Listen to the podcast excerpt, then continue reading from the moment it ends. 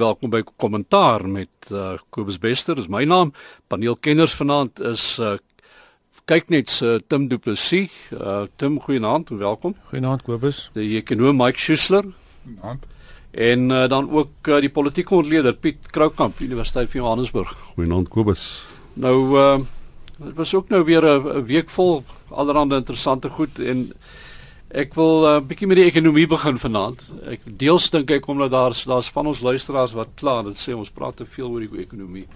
begin ons nou, dit so. Kom ons kom ons praat maar nou en kyk ons of ons dit kan kort hou of lank hou of uh, ek dink deel van die ding gaan ons net aan mense ook moet verduidelik hoekom praat ons oor die ekonomie. Uh, ek weet uh, Ryk van die Kerk is net hier na aan die woord uh met sy finansiële fokus maar ek dink ook 'n mens sal vind daar dat uh, ryk hulle meer op die ek wil amper sê op die mikro sy van die ding uh, en en die beleggingskant kyk terwyl ons hier na die uh, noem dit nou maar die politieke ekonomie en in die tipe goed kyk in die makro-ekonomie.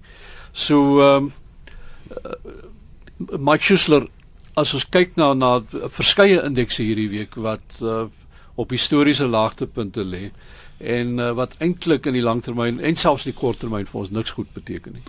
Ja, absoluut. Ek dink mense moet besef dat ehm um, verlede jaar met slegte kommoditeitspryse het die metale en die kommoditeite wat ons uitvoer behalwe landboukommoditeite 36% van ons uitvoere uitgemaak.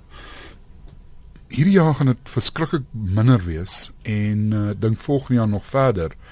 En ek dink ons kom nou agter hoeveel van 'n depressie daar is in kommoditeitspryse.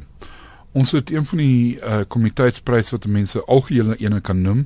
Hy is 'n bietjie uh uh na olie se kant toe uit, so 39% energie in hom, dan oor die olie en steenkool en gas. Maar hy het um binne 'n paar persentasiepunte gekom of binne 'n halwe persentasiepunt gekom uh van waar hy sal wees op 'n 42 jarige rekord in nominale terme. En dis die Chicago Research Bureau se, né? Die ander ene is 'n uh, vervoer um, indeks van skepe. Dit heet die Baltic Dry Index. Dit klink verskriklik ingewikkeld, maar al wat dit sê is die skepe uh, waar jy droë goed op sit soos ystererts en steenkool oral in die wêreld word daaraan gemeet. En hierdie studie is gemeet vanaf 85. Hy het nou in sy dit 85 nou 1 Januarie 85 begin het, nou 'n laagtepunt bereik. So daar's te veel skepe aan die een kant, aan die ander kant is daar te min goed om te vervoer. Dis wat die ding vir jou sê. Maar die ergste van alles is as 'n mens na die hoogtepunt kyk in 2011 tot nou toe, het hy 96% van sy waarde verloor teen Vrydagmiddag. En dit is redelik uh, uh, erg. Net 'n verdere ding wat jy sê dat daar 'n klomp probleme in Suid-Afrika gaan wees, is as 'n mens gaan kyk na die staal, die scrap steel index ook in Chicago, dis die grootste een in die wêreld. Hy is ook nou amper op 'n rekordlaagtepunt en daai rekordlaagtepunt gaan terug tot die vroeë 60. So ons praat van meer as 50 jaar. Natuurlik as jy mens dan na 'n ander breë indekse kyk en jy vat inflasie af, die economists sê, ehm um, sal nou waarskynlik daai punt behaal het waar hy weer op 'n uh, laagtepunte is van 18 tot uh, wat teruggaan tot 1845 toe. So dit sê vir jou as 'n kommuniteitsuitvoerende land het ons dalk volgende jaar groot probleme en veral as hierdie kommuniteite nie dieselfde tipe van opwaartse sprong maak wat hulle gedoen het in 2009 nie en aanhou en aanhou laag bly, weet dan gaan Suid-Afrika 'n redelike groot probleem hê. En toe ek laasie was in Augustus was die kommoditeitspryse ook op pad af. Maar net om dit in konteks te stel, toe was ons nog so wat 15% uh met meeste van hierdie kommoditeite soos die CRB bokant hierdie amper rekord laagtepunt van 52 en dit het net begin draai so mense het 'n bietjie begin dink hy gaan nou uitplat en 'n mens kan vorentoe gaan. Maar die nuus van China en daai goed het net erger geword aan die een kant. En dan jy weet net in Suid-Afrika se terme dan ons ander kommoditeite wat ons uitvoer ook nie so baie nie maar 5 tot 10% per jaar is in die landbouprodukte En daai produkte se prys is gelukkig vir ons ook effens onder druk want daar is amper te veel daarvan ook.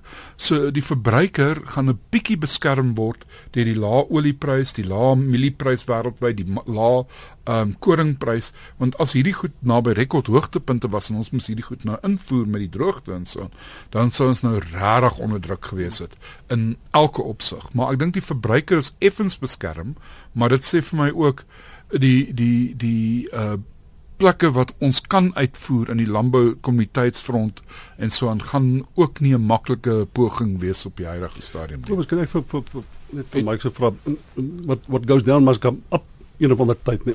In 'n ander tyd moet die wêreldekonomie teen 'n bepaalde rente op 'n bepaalde bepaalde koers groei en dan met 'n vraag na kommoditeite. Ek sê nie herstel nie, maar dit moet weer opwaar seker. Dit kan tog nie heeltyd af nie. Dit gaan die laaste paar jare al af. Uh, en ek aanvaar iets soos platinum byvoorbeeld sal dan nie maklik weer 'n groot uh, groei en vraag wees want as gevolg van herwinning byvoorbeeld. Maar verseker moet kommoditeite eendag tyd herstel of is is is dit is, is dit totaal uh, van die horison af? Nee nee, ek dink kommoditeite sal herstel. Die vraag is net wanneer. Jy weet Piet, as ons nou teruggaan in die geskiedenis en ons gaan kyk in reële terme, almal het altyd gepraat daar's 'n piek van kommuniteite. Mense het gepraat van daar's te min. En elke keer was daar 'n respons van die vervaardigers van hierdie goed. Het sy die landbou, het sy myne ensovoorts wat oor 'n periode van tyd terwyl daai kommuniteite hoog gegaan het, ehm um, te veel begin maak het. En ons leef eintlik in 'n wêreld van te veel. Dis die verspreiding wat bekommerwekkend is. Maar solank China wat die grootste invoerder veral van die droë kommoditeite was. Met ander woorde, die steenkool, die ystererts, die koper en die goed wat hy daar vervaardig het. Solank ons nie weet wat daaraan gaan nie, is mense redelik bekommerd oor die langer termyn daar. Platinum is effens anders want dit is 'n mark waar meer as 40%, ek sien nou dis 41%, maar ek het altyd gedink is 45% is motorkatalisators vir die dieselkant. En met Volkswagen se skandaal aan die een kant en aan die ander kant dat die goed herwin word en dat daar lyk my ehm um, Erns moes daar alleen gewees want ons het altyd gesê uh daar word nie genoeg platinum geproduseer nie, maar tog het die hoeveelheid platinum wat boogronds is en wat verkoopbaar is net soveel meer geword en die platinumprys is dus nou baie baie hard geslaan want ek dink die een ding wat die staking uh van verlede jaar uitgewys het is dat daar was nie 'n tekort aan platinum nie. Daar was regtig net nie 'n tekort nie. En in daai periode van 5 maande waar die grootste produsent 80% van die wêreld se platinum kom van ons was daar meer as genoeg platinum en die prys nêrens heen gegaan nie. En ek dink daarmee dink ek altyd ons self in die voet geskiet. Jy vra nou wanneer Wel, ek het ek ek is 'n bietjie van 'n optimis. Ek sou hoop dat ons volgende jaar al 'n draaipunt gaan bereik. Maar daar's nou mense van Goldman Sachs se kommoditeitsafdeling en vele ander wat praat van nog 3, 4, 5 jaar. Ehm um, daar's mense wat in die langtermyn golwe glo soos ek wat sê hierdie is 'n langtermyn afwaartse siklus. Jy het waarskynlik nog die beste deel van 'n dekade oor. So met ander woorde ons is 4 jaar in 'n 10 of 12 jarige periode van afwaartse beweging en as dit die geval is, dan dink ek sit ons in 'n baie baie moeilike posisie. Ek hoop ons draai en mense moet net onthou in hierdie golwe wat 'n mens kry, uh kry altyd 'n laagtepunt eers en dan kan hy weer opgaan vir 'n hele tyd, maar hy behaal nie weer sy hoogtepunt van voorheen nie. Kom ons Maar dis vir ons tegnies miraak nou te tegnies. Kom ons ja, kom ons trek dit deur na uh, ons gewone ouens nou wat nou na jou luister, wat is die implikasies volgende jaar as hierdie ding nou so sleg loop soos julle nou verwag? Die grootste probleem is die ekonomie gaan nie groei nie. Kom ons sê wat ek bedoel met geen groei nie, niks bokant die uh, bevolkingsgroeikoers nie. Met ander woorde, niemand word ryker nie. In essensie word ons almal armer. Dit beteken ons skep nie werk nie. Dit beteken ons gaan nie die belastinginkomste kry nie. Dit gaan beteken ons gaan sukkel om hierdie betalings aan staatsamptenare te maak wat uh, meer as 40% van die begroting reeds is. Dit sê vir my ons gaan al hoe groter uh uh uh gat hê in ons regeringsfinansies, um, kan net nie aan die woord nou dink nie, maar op die ou einde van die dag sit ons met 'n probleem in Suid-Afrika baie eenvoudig net dit. Is dat ons so afhanklik is van hierdie kommoditeite want die die myne is baie klein in die ekonomie, die plase ook, maar hulle koop soveel van die ander fabrieke, van die finansiële dienste, van die sekuriteit en so aan en almal het dit nodig. So as hierdie plek onder druk is, is dit waar die druk vandaan gaan kom. En ons handelsbalans en ons skuldklas. Uh, ons ja, die handelsbalans definitief dis wat van gepraat het die gat, dis die skuldklas, maar die die die die skuld tot BBP gaan waarskynlik klim, maar ek dink die groot probleem vir my is um, op die huidige stadium met die politiek en dan kan die ander twee here praat. Sit 'n mens met 'n situasie waar die ANC die huidige ANC het verkoop baie poste in 'n sin. Hy verkoop nie dalk die poste vir geld nie, maar vir lojaliteit. En daai uh, uh, ding gaan baie baie moeiliker vorentoe. So ek dink hy gaan ook sy uit sy sy uitwerking op die politiek hê. So Kobus volgende jaar as mens as ek nou luister na wat Mike sê en hy sê iets wat al baie baie mense sê en dit is ons gaan volgende jaar minder geld hê, die staat gaan minder geld hê, ons gaan almal minder geld hê en dis 'n verkiesingsjaar. So wat doen politieke partye, regerende partye in 'n verkiesingsjaar? Hulle koop stemme deur staatsamptenare se salarisse te verhoog, deur vir studente te beloof julle gaan nie meer betaal nie. Hulle doen daai soort van goed, hulle gaan beloftes maak met minder geld. Ek kan nie eintlik sien nie. My vraag wat ek graag wil weet, wil wil, wil wat sal beantwoord kry, ons sal dit seker nie vanaand hier beantwoord kry nie is weet besef die regering, besef die regering wat is die aard en die omvang van die finansiële krisis waarin die land sit. Meneer Zuma sê net we have a good story to tell en dan lag hy so bietjie. Uh maar besef hulle in watter in wat 'n ongelooflike ver, verknorsing Penarie sit ons as ons 'n huishouding was, as ons 'n familie was dan was ons in 'n familie waar ons vir die kinders moes sê jammer, jy kan nie volgende jaar universiteit toe gaan nie. Jammer, jy kan nie jy weet nog 'n nuwe paar skoene of wat ook al al daai soort goed kry nie. En daai so my baie rudimentêre verstaan van hoe die ekonomie werk is dit hoor aanspraak ons het minder geld en ons sit met 'n besluitnemer wat nie wat nie besef waaroor dit presies gaan nie, wat nie weet wat is dit om 'n huishoudelike begroting te laat klop nie. Nou dit, dit sluit aan by wat ek vir jou wou gevra het ook Piet is de, en en is eintlik maar net 'n herhaling van Tim se vraag. Kry mens enigstens 'n indruk dat daar enige vorm van insig aan regeringskant is? Ehm um, ek dink meneer Nene weet en ek dink meneer Nene is 'n bekommerde man vanaand. Maar uh, by meneer Zuma en sy ondersteuners kry mense nie die indruk dat hulle 'n uh, insig het in die groot bedreiging wat vir hierdie land ingehou word in die gebeure nou. Ja, dis dis dis die een vraag of hulle daai insig het. Die ander vraag is natuurlik in watter mate het hierdie gedierte van op so so gulsig geword en so verolberend geword dat jy hom as dit ware nie meer kan omdraai nie. Hoe draai jy die staatsdiens om? Jy kan nie die mense afdank nie. Jy kan nie laer salarisse gee nie. Die vakbonde is te sterk daar binne. So hierdie politieke gedierte het so natuur aangeneem dat al kry ons ook 'n hoogheilige moeder Teresa wat besluit ek draai nou alles om, gaan dit haas onmoontlik wees om hierdie skip geswaai te kry. Jy kan hom maar vir Dlamini Zuma aanstel, jy kan hom vir Maposa aanstel. Hoe kry jy die ANC wat as dit ware teer op die staat? Hoe kry jy hom losgemaak, daai naalstou gebreek en dan die staatsdiens self? Hoe kry jy daai natuurlike kragte van verorbering? Hoe kry jy dit gestop? Daai massiewe patronaatskapstelsel wat teer op die staatskas. Hoe leer jy staatsamptenare dat daai voordele van in die staatsdiens wees is nou daarmee heen ons gaan nou effektiewe en Marite gedrewe staatsdiens kry. Die maklikste manier ek het vroeër vir Tim ook vanaand gesê, die maklikste manier om jou werk in die staat te verloor is om dit te doen, om dit effektief te doen. Nou daai dinamika dink ek het so weggehardloop met ons dat dit baie baie moeilik gaan wees om om dit om te keer, maar dis nou een ding om te sê dis moeilik, dis 'n ander ding om 'n voorstel te maak oor hoe dit inderdaad kan omkeer. Ek sien elemente daarvan as jy kyk na die poskantoor wat hierdie week of wat onlangs het iemand aangestel uit die privaat sektor uit. Dis omdat die staat besef dat as ons dit self moet doen, kan ons nie hierdie hierdie hierdie verorberende gedierte kan ons nie stop nie. Ons moet iemand van buite af kry wat nie die natuurlike verhoudings het, die paternaarskapsverhoudings, die voordelige verhoudings, die korruptiewe verhoudings het met met die bestaande stelsel. Ons moet iemand van buite af kry. Ek dink daar is 'n klokkie besig om te lui by bepaalde staatsamptenare. Ek dink dit uh, lei dalk was Lamini Zuma dieselfde gedoen toe sê toe sê uh, binnelandse sake oorgevat het, né? Sy het begin om ons van buite af te kry om die stelsel meer effektief te maak. Ek dink daar's 'n bewussyn dat die staat self kan dit regmaak nie, dat iemand van buite af moet kry. Maar die gevaartekens is daar, nee, want uh, daar's ook nou syne wat van elders af kom as ons kyk na wat met die rand gebeur het en wat dit reflekteer want eintlik is die die wisselkoers tog maar net 'n uh, refleksie van wat eintlik aangaan in 'n land. Uh, jy weet en dit affekteer die prys van jou geld. En uh Goldman Sachs wat nou aanbeveel het dat beleggers uh, moet moet nie in die rand belê nie, hulle moet uh om billik te wees ook uh, Kolombia, Turkye en Maleisië se geldeenhede vir my in hierdie stadium. Maar kyk nou met wie word ons nou in dieselfde mandjie gegooi. En aan die ander kant word daar aanbeveel dat hulle wel belê in die Meksikaanse peso en in die Russiese roebel.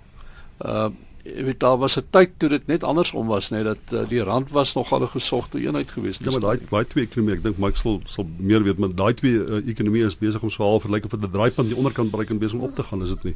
Ja, wel definitief die Russe. Ek is nog nie so seker oor Mexiko nie. Die die feit van die saak is, ek dink ehm um, Suid-Afrika uh, het baie buitelandse kapitaal gehad en ons het nog steeds daarvan nodig. En die oomblik as daai ouens ons goed verkoop, dan sink die rand. En op die huidige stadium dink ek is dit ook 'n geval van 'n sterk dollar. Ehm um, sterk eerste rangse uh, uh, wêreld geldeenhede, maar beslis dink ek kyk ehm um, investeerders al hoe meer uh, negatief na ons. En ek dink daai gevoel het al in die laaste 3 jaar begin deurkom en hy vat nou net meer momentum. Ehm um, so my my voorsiening is dat on, ons baie maklik uh teen R20 tot die dollar gaan wees oor die volgende paar jaar. Uh, ek dink oor 2 jaar kan ons by 16 wees um, baie konservatief gesien. En dis nie so ver versog nie. Weet wat as jy kyk en jy draai dit om, jy sê op die syme is ons so wat 7 sent. Ehm um, 'n 7 Amerikaanse sent koop per rand om dan vir hulle tot 5 toe te gaan is nie so ver weg in 5 jaar nie en dan is ons 20 tot 1. Maar die, die graderingsagentskappe het, het Mexiko en Rusland afgegradeer. Hulle bonds is nou junk. Dis wat ons vrees wat ons gaan hê, nie noodwendig gaan hê nie, maar maar hoekom sal hulle dan nou aanbeveel word vir investering in ons nie? Wel, ek dink die Russe moet jy onthou vooruitsig bied. Daar's 'n die men, ja. hulle te daar's 'n beter verwagting oor hulle. Hmm. So dit gaan draai as wat daar by ons is. Moontlik. Jy ja. weet mense met 'n interessante perspektief Nigerië was so 'n soort van amper 'n verlore saak gewees vir 'n lang ruk. Toe hou hulle 'n paar maande gelede 'n suksesvolle verkiesing. Hulle kies 'n nuwe leier. Dit het weliswaar om 8 maande gevat om 'n kabinet saam te stel, maar hy het korrupsie geprioritiseer. Hy het al die regte geleide gemaak. Die westerse lande, Londen, Amerika, die Europese lande het hulle harte en hulle huise vir hom oopgemaak. En goed is besig om te gebeur in Nigerië, is besig om te draai. So dit is moontlik, Mike mense sê net jy weet jy weet nie waar hierdie goed gaan draai nie. Dis verwagting en dis die ding wat ons moet doen. Ons moet 'n verwagting begin skep in Suid-Afrika. Ons moet vir mense vir die buiteland en vir ons eie mense begin sê maar goed kan beter word hierso. Dit gaan omdraai een of ander tyd, maar dit lyk net nie op die oomblik so nie. Maar in die meeste gevalle wanneer mense dit voorspel, praat hulle almal van post Zuma. So Ja, jy, jy moet vir ons slaap. Ons is 3-4 jaar nog daarvan oor. Ja, ek meen dit is dit is Kom ons praat 'n bietjie politiek terwyl ons nou meneer Zuma se naam daar genoem het en uh, Uh interessante goed wat aan die gang is. Uh een van hulle 'n uh, skynbare breek wat mense van begin praat tussen uh die uh, die Zuma faksie, die Nzimande faksie, uh Piet Ja, daar's die in die, die interessante verskynsel vir my is dat die die kommuniste is besig om stelselmatig vervreemd te word binne die uitvoerende gesag. Hulle tel trek geweldig baie vuur van die ANC jeugligaheid. Hulle trek spesifiek vuur van die van die groep wat ons veronderstel die mees destruktiewe groep is wat die Zuma ondersteuners is wat die sogenaamde Premier League is dit uh, het ook opgestaan teen die teen die kommuniste En die aardige ironie van alle ironie vir my is die kommuniste is besig om hulle agter Cyril Ramaphosa op die sogenaamde sluit vir die ANC graag optrek te skaar. I mean, hoeveel madness kan jy nog in 'n politieke party kry? Dis gelyk met Land sê daai drie party alliansie bestaan omtrent nog net histories en teoreties. Dis presies wat hy sê. Daar's soveel chaos daar dat jy nie meer kan regtig die die natuurlike verhoudinge kan agterkom nie. Maar die feit bestaan is en ek dink dis wat as ons te sportgallig is oor Jacob Zuma, dan mis ons twee goed. Die een is onthou net hy's hy's hy's hy, die ANC het geboorte gegee aan hom. Die chaos wat hy verteenwoordig, kan jy maar in die ANC hier slet duidelik daar sien. Die ander ding is daar is duidelik soos wat daar 'n verwagting is, praat van verwagting dat hy sy mag gaan verloor oor 3 jaar, is daar allerlei strukture wat hulle self begin herorganiseer. Daar's my geen twyfel hier by 2016, net daarna as die ANC swak vaar in die verkiesing, gaan gaan dit oop terrein wees. Hulle gaan vir hom jaag. Hulle gaan vir Jacob Zuma jaag en hy gaan met sy naels vasklou in sy laaste maand of 2, 3 aan sy presidentskap. Want dan die oomblik wat jy nie meer gesag het om patronaatskap te herverdeel, om toegang tot die staatskas te gee nie, om posisies aan te stel en goed, dan begin jy eens vir jou gaan en onthou net, hulle weet hy gaan nie die volgende president wees nie. Hulle gaan hulle self begin fokus op die volgende president wat daardie voordele kan afwentel. En dan gaan Jacob Zuma 'n tipe van 'n tweede gedagte word en ek weet nie of hy daarmee kan deel nie. So wat ek probeer sê is Daar's moeilike tye wat voorlê, geweldige onbestendige tye en vir as jy dink dit vir die burgery onbestendig vir die ekonomie, jy wil nie eers dink wat dit vir die ANC inhou nie. Dit die katgevegte wat gaan losbars oor posisies na 2016 en na 2019 gaan binnekort begin. Wanneer is die verkiesing? Dis in Mei volgende jaar. Is dit? Hy moet nog aangekondig word, né? Ja, maar dit ja. moet dit moet minstens op die heel laaste in Junie volgende jaar gehou word. Ja. So uh, die volgende paar maande kan nogal kan nog baie interessanter word as dit nou is. Ja, as, as ek dink die koerante spekuleer daaroor as as as 'n klomp raadslede hulle poste verloor in hierdie volgende verkiesing. Jy weet nou baie van daai raadslede dag op by die volgende leierskapskonferensie. As hulle hulle poste hier gaan verloor, dan gaan dan is dit leeuwêreld vir Jacob Zuma. Wat bedoel dit by leeuwêreld? Almal eet almal of ja, dan, jy hardloop vir die hoogste. Daai tipiese chaos wat jy gekry het toe toe Thabo Mbeki ja. daar gesit en gedog het hy gaan nie vir hy's ja. nog steeds die volgende president of hy gaan weer herverkies word ja. en midde hierdie chaos kom hy skielik agter maar hy's totaal onpopulêr die, die die om te kan voorspel wat die uitkoms gaan wees gaan al hoe moeiliker en moeiliker word soos wat hulle gevraag gevraagmenteer so, word. Dit gaan twee opponerende kampe wees. Ja, gaan hordes kampe wees wat na vore kom. So so, so jy sê mense wat sê ag wat dis 'n verlore saak vir Ramaphosa en Kossazana Dlamini nee, Zuma gaan they nee, nee. she's going to walk. Nee nee nee nee. Nee, nee, dis hierdie ding is nog so oop. Dis om die waarheid te sê ek dink die Zuma kamp is die ouens wat regtig op die agtervoet is. Die die die ander twee kampe dit Dlamini Zuma. Dlamini Zuma het mense moenie aan net assosieer met Jacob Zuma nie. Sy het as dit ware eie kampanje ook, nê. Nee. En ek kan nou vir jou sê ek dink nie sy assosieer noodwendig so sterk met Jacob Zuma wat mense so gedink dink dit wat baie kommentators beweer nie. Sy is besig om haar eie kampanje te loods, sy is besig om haar eie steunbasis op te bou wat totaal onafhanklik van die van die van die van die van die uh die Premier Liga kom begin funksioneer. Jy gaan minstens 3 kampe kry. Jy gaan uh, die Zuma kamp kry wat sy sy invloed begin taan, dan gaan jy Dlamini Zuma kry wat haar eie steunbasis begin opbou en dan gaan jy die karperde kry wat agter Cyril Ramaphosa is en hierdie ouens gaan almal begin kop steek vroeg volgende jaar. Ek dink die ding wat ek sou wil sê is as die kommuniteitspryse aanhou daal en ons te verkiesing in Mei volgende jaar en daar word minder ehm um, mense verkies van die ANC en terselfdertyd kom baie van die BEE ondernemings onder druk en gaan daai tipe van goed dan dink ek gaan dit nogal uh, 'n uh, redelike baie groot invloed op die regerende party kan hê. Presies. Want die een kom van 'n politieke invloed en die ekonomie is die ander invloed. En dit kan 'n uh, baie groot uitdaging wees. Dis reg, die BEO's is um, besig om stelselmatig agter EFF te skaal. Die die die probleem is die die uh staatsondernemings soos Transnet en so aan gaan nie meer dieselfde geld maak nie want baie van hulle geld ons weet byvoorbeeld van Eskom kom indirek van kommoditeitspryse of direk um uh aluminiumprys vir Eskom. Steenkoolvolumes en steenkoolpryse 25% van daai steenkoollyn kom van die steenkoolpryse af. En daai pryse is nou omtrent 'n derde van wat hy was 40% na 'n derde toe. En dieselfde met die met die ystererts en die ouens is besig om te moet kyk na ystererts wat jy dan uh, moet toemaak want daar is net te veel ystererts wêreldwyd. So jy weet dit kan 'n groot staatsonderneming soos uh, Transnet redelik kwel en dit baie moeilik maak dat jy nog mense daar kan aanstel en ook terselfdertyd in natuurlik in die regering sal jy teen nie meer die spasie nie. So hierdie gaan 'n baie interessante en moeilike tyd wees vir die land. Ja, Tim Tim jy's reg en ek, ek kan nou vir jou sê die B ouens nê is ideologies besig om nader aan die EFF te skuif. Soos wat die dit wat verorberbaar is net al hoe minder word, soos wat die poste al hoe minder word soos wat die dividende al hoe meer onder druk kom as gevolg van druk in die private sektor. Maar toe gaan hulle, hulle maak presies vir die swart middelklas in Gauteng gemaak het. Hulle gaan nie na uh die kommuniste toe nie. Hulle gaan EFF toe. Die um, swart middelklas in Gauteng het die ANC die EFF die steen gegee in die laaste verkiesing wat hy het. Dis presies waartoe Black Economic Empowerment ouens gaan. Al wat doen is radikaliseer hulle net verder.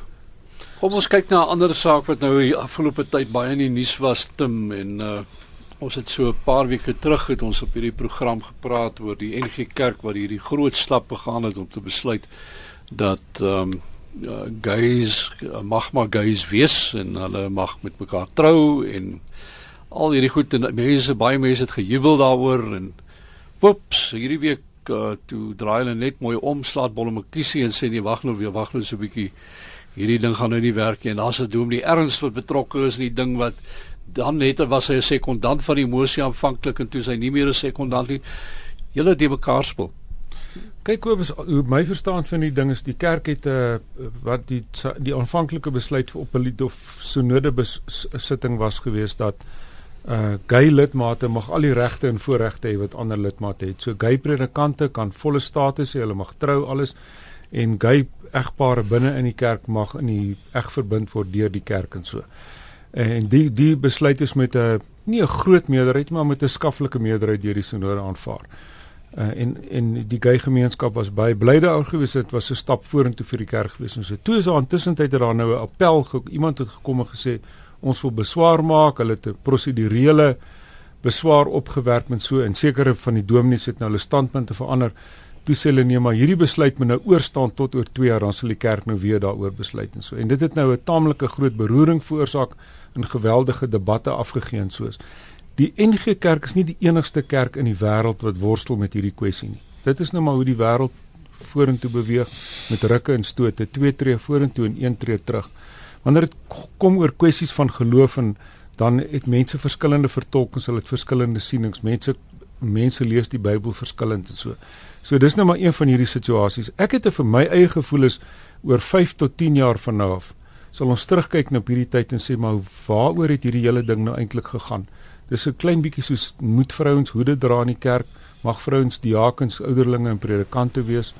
Uh mag swembaddens oop wees op 'n Sondag.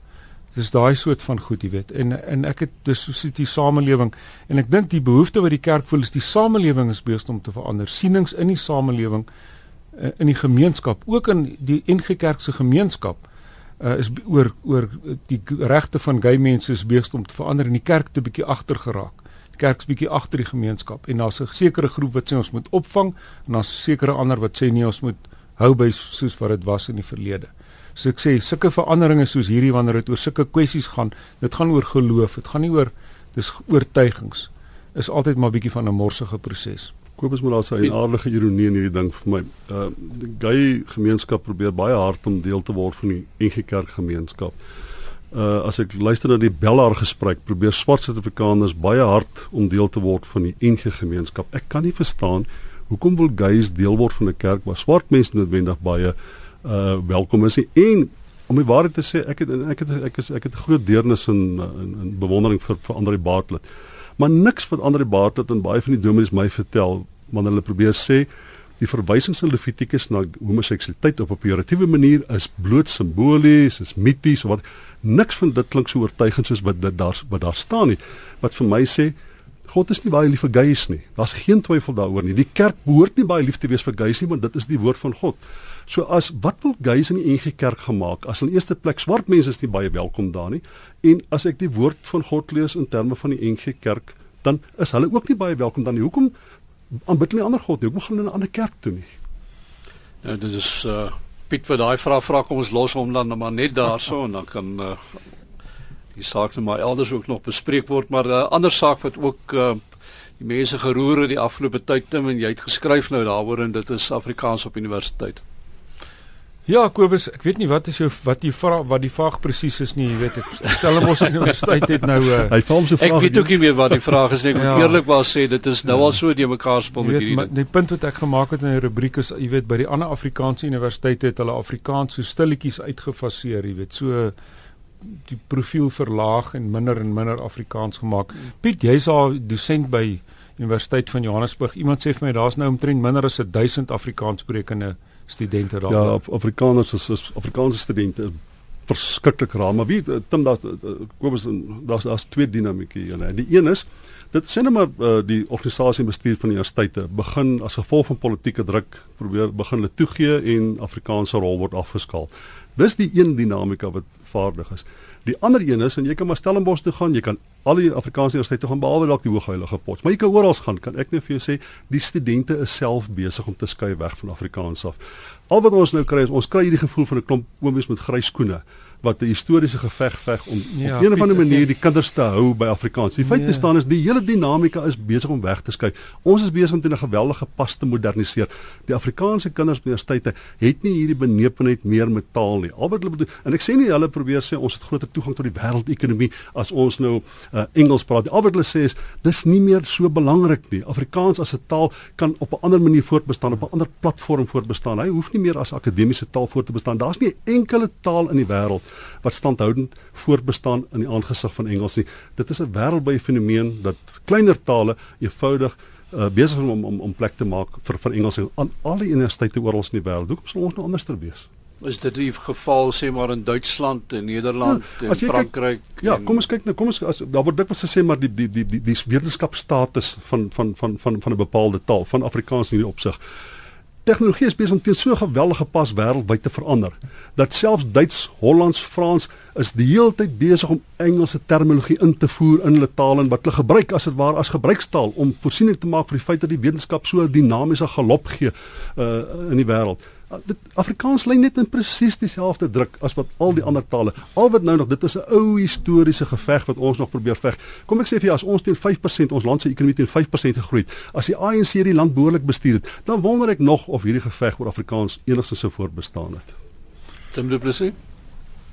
Piet, as jy by die Sorbonne wil gaan studeer in in Frankryk en ek sê nou nie Stellenbosch is die Sorbonne nie, maar as jy is as jy, daar, ja, amper as jy as jy daar wil gaan studeer, dan moet jy vaardig wees in Frans. Jy moet daar 'n stukkie papier skryf, jy kan Frans, jy kan bewys jy kan Frans praat en skryf en verstaan.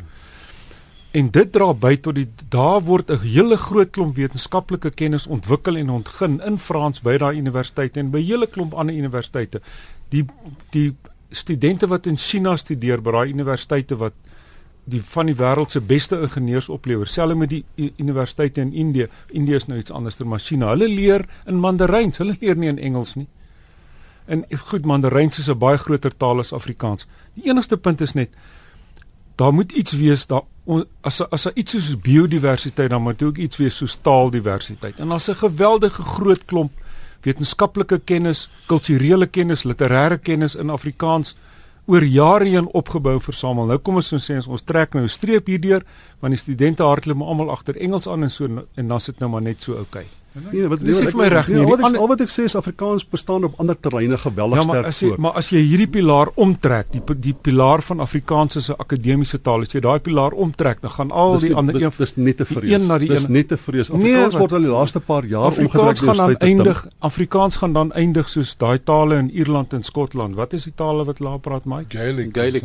Ja, dit word by die huis nog gepraat en En so. as dit gebeur, gaan niemand omgee dat dit gebeur Nee. het nie. Niemand gee om Kan nie reg wees nie. Want dit Nee. gebeur, dit Nee. daar gebeur en dit was normaal. Nee. Hoekom sal dit nou hier anders te lyk ons sal 'n hele program net ander, hieraan moet wy in 'n eh, ander eh, tyd man. in in 'n tendensie so invat. Ehm um, daar's twee goed. Een is dat uh, Blyden se Mande het juist nou gesê ja, maar die ander tale kan by Afrikaans leer en uh jy weet on, ons moet 'n uh, soort van ons het mos nou 11 amptelike Ja. landstale. Dan hoekom het ons nog 11 amptelike landstale as dit die geval is? Dis die eerste ding.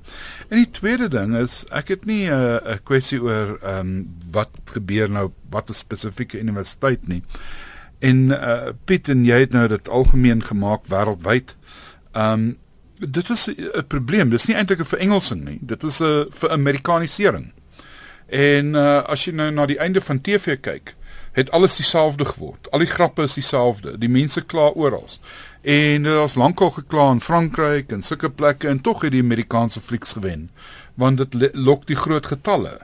Dit is die probleem, maar dit verarm tog die kultuur van ander. Ja. En uh, dit is presies wat ook tot 'n mate hierso gebeur. En ek dink uh, jy weet dit is vir my ironies ehm um, dat daar nie ehm um, 'n behoorlike gesprek want dit gaan dan terug na apartheid toe. En ek kyk dit uit 'n ekonomiese oogpunt uit en ek sê vir myself dan sê die mense sê hulle ja, maar as ons nou net die geld uh, daardeur kan spaar, maar aan die ander kant sê ons nee, ons wil almal verniet universiteit gee en ons wil dit en dat doen. Dan dink ons moet moet ons ook dan kan sê ja, maar ons kan ook dan vir ander mense, nie net Afrikaans nie, vir Zulus, vir Khoisas, vir Wendas, wie ook al, Maar- hulle eie taal op 'n manier kan bied op universiteit, gaan dit ook help Hmm. om die kultuur van hierdie land te verryk want dit is juis een van die goed wat ons 'n sterkpunt oor kan maak. Piet, ek meen ek wil hierdie ding, jy weet, ook vat. Vat hom terug na 94. Afrikaans en die praters van die taal soos ek geskryf het, is nie 'n verowerde groep nie. Daar was 'n onderhandelende skikking geweest. 2 jaar na daai onderhandelende skikking toe gee Stellenbosch Universiteit vir meneer Mandela eregraad. Toe sê hy hy dink daar moet minstens 2. Vandag is dit kan ons sien is nie heeltemal moontlik nie.